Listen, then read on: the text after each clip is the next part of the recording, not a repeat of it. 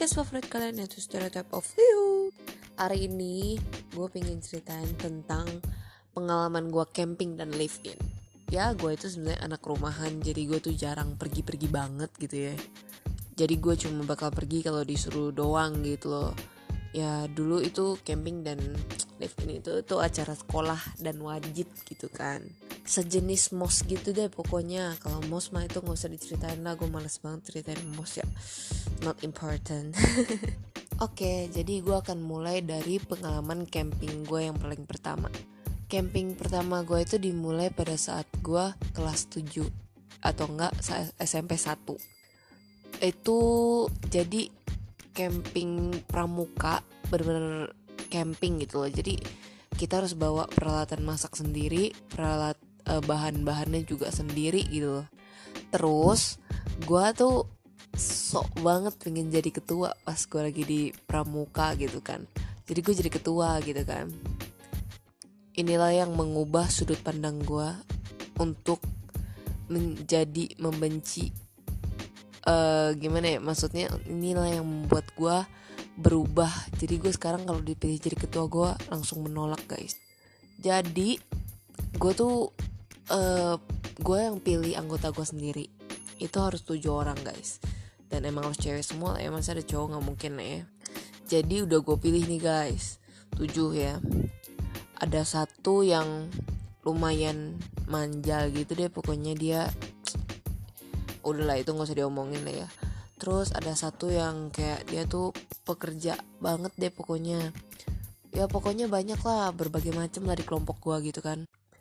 Terus uh, gue sebagai ketua gitu tuh gimana ya gue tuh gampang stres gitu loh. Jadi dan bahkan gue itu kayak sering pecahin piring temen gue gitu loh buset. Kayaknya tuh orang benci banget sama gue sejak gue sejak itu deh. Jadi gue ini kira kayak jadi ketua itu nggak ngapa-ngapain masa cuma jabatan doang gitu kan. Ternyata ada yang namanya camping gitu kan. Terus gue kayak what is camping? gitu kan. Terus habis itu ya udah deh akhirnya gue jadi ketua gitu kan. Terus akhirnya disuruh bawa ini rice cooker terus kompor gitu kan. Gue gimana ya gue rice cooker ada tapi maksudnya rice cooker gue tuh wattnya terlalu tinggi gitu loh. Dan akhirnya mama gue pasrah mama gue suruh udahlah kamu bawa aja. Ntar kalau listrik di sana mati udah kamu diem diem aja. Terus akhirnya gue bawa itu terus kan awalnya kita kayak kebingungan gitu kan mau bawa kompor gimana ceritanya gitu kan.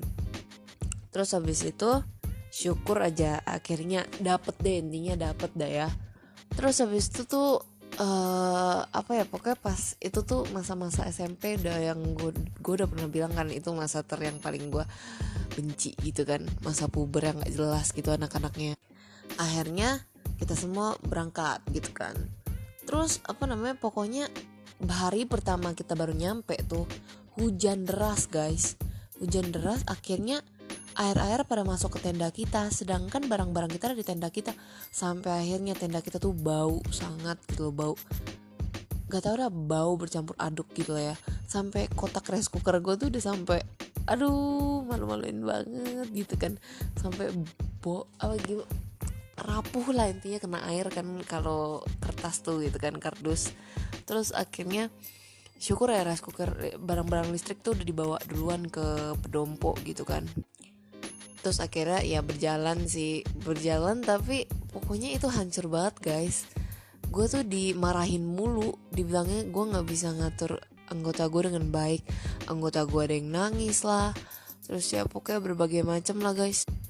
Gimana ya gue apalagi gue yang gampang stres gitu loh. Jadi bener-bener deh gue udah sejak saat itu gue langsung kayak gak gak kalau gue jadi ketua gue udah gak mau gak mau lagi gak mau.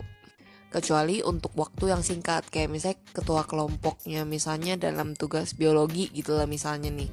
Terus dikasih kelompok ini terus habis itu cuma dalam cuma satu minggu doang. Nah itu sih gue masih oke okay lah gitu kan cuma satu minggu. Kalau lama banget gue udahlah gue angkat tangan guys gue nggak mau akhirnya tiga hari dua malam pun berjalan seperti biasa gitu kan. Terus hari terakhir guys. Jadi cerita kita lagi ngumpul di Berompo nih. Udah udah mau siap-siap pulang guys. Terus barang-barang udah di packing sih.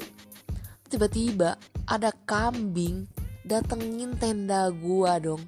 Tenda gua doang guys. Gue udah bingung kayak oh my god. Bener literally bener-bener kambing itu cuma datang ke tenda gua. Gue udah kayak astaga ada sesuatu ke tenda gue yang memancing lu dateng gitu kan. Terus akhirnya temen gue ada satu dia panik sendiri gitu kan. Terus ya udah deh kita akhirnya pulang gitu kan. Ini ada berja- ada ada cerita lucu sih dalam perjalanan pulang. Jadi ceritanya kita tuh naik tron tronton ya tronton oke. Okay. terus habis itu gue tuh kan ketua jadi gue tuh ya harus didata-data dulu kan dan gue yang harus yang naik paling akhir gitu kan. Akhirnya gue ngedapet tempat duduk guys. Terus gue akhirnya hmm, gimana ya kayak hadap belakang gitu kan. Nah kalian tahu lah ya kalau kita naik mobil tuh kita kalau hadap belakang pasti mabuk gitu kan. Akhirnya gue mulai mabuk guys. Awalnya gue liat kan ke teman-teman gue gue liat kan temen ke teman-teman gue terus ada satu anak nih namanya G gitu ya si G ini bilang alah masa segitu doang lu mabuk sih let? Gituin kan. Terus ya udah kan gue diemin aja gue udah mau udah mau muntah gitu kan mas kalau gue ngomong ya muntah gitu lah ya terus ya gue diem aja gitu kan. Terus guys kalian inget kan gue tuh paling benci yang namanya muntah kan guys? Jadi ya gue berusaha untuk nahan guys. Terus guys gak lama setelah itu tiba-tiba dia udah mulai diem kan guys? Dia tuh emang diken uh, mabuk gitu sih tapi dia tuh kayak tiba-tiba ngejek gue gitu kan. Ya udah gue diem diemin aja gitu kan. Temen gue ada temen deket gue namanya V gitu kan. Dia juga cuma diem diem doang tapi dia ketawain gitu kan. Terus ya udah deh gue diem aja. Terus dia udah mulai diem diem. Lama-lama dia pegang pala gitu kan. Kan gue udah udah kayak wow man jangan-jangan dia udah mau ini gitu kan. Udah mau muntah gitu kan. Terus ya udah gue akhirnya kan awalnya gue udah mau muntah jadi gue pegang plastik. Tapi akhirnya gue kasih aja plastik itu ke dia karena gue udah merasa kayak gue udah denger lagu jadi gue udah lumayan nggak mabuk-mabuk banget gitu kan. Terus ya udah deh akhirnya gue uh, ke mana ya? Uh, oh ya abis itu tiba-tiba bener dong guys gue tuh tepat banget gue kayak ada feeling dia udah mau muntah jadi gue harus langsung tutupin muka sebelah gue pakai topi pramuka gitu kan. Terus ya udah deh gue tutup muka gue pakai ini. Terus ya udah deh gue apa namanya tutup muka sebelah gue pakai topi pramuka. Terus dia muntah beneran guys.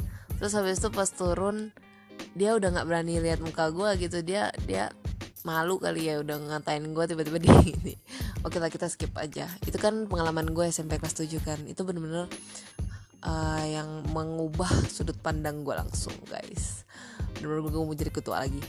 Terus akhirnya di uh, udah selesai itu naik ke SMA akhirnya ada lagi namanya super camp guys. Super camp ini lebih enak. Super camp ini nggak usah bawa barang-barang uh, peralatan masak sendiri. Udah dimasakin ya kalau nggak salah. Iya udah dimasakin. Jadi gue kayak denger gitu gue langsung kayak oke okay, gue lebih bersemangat lah.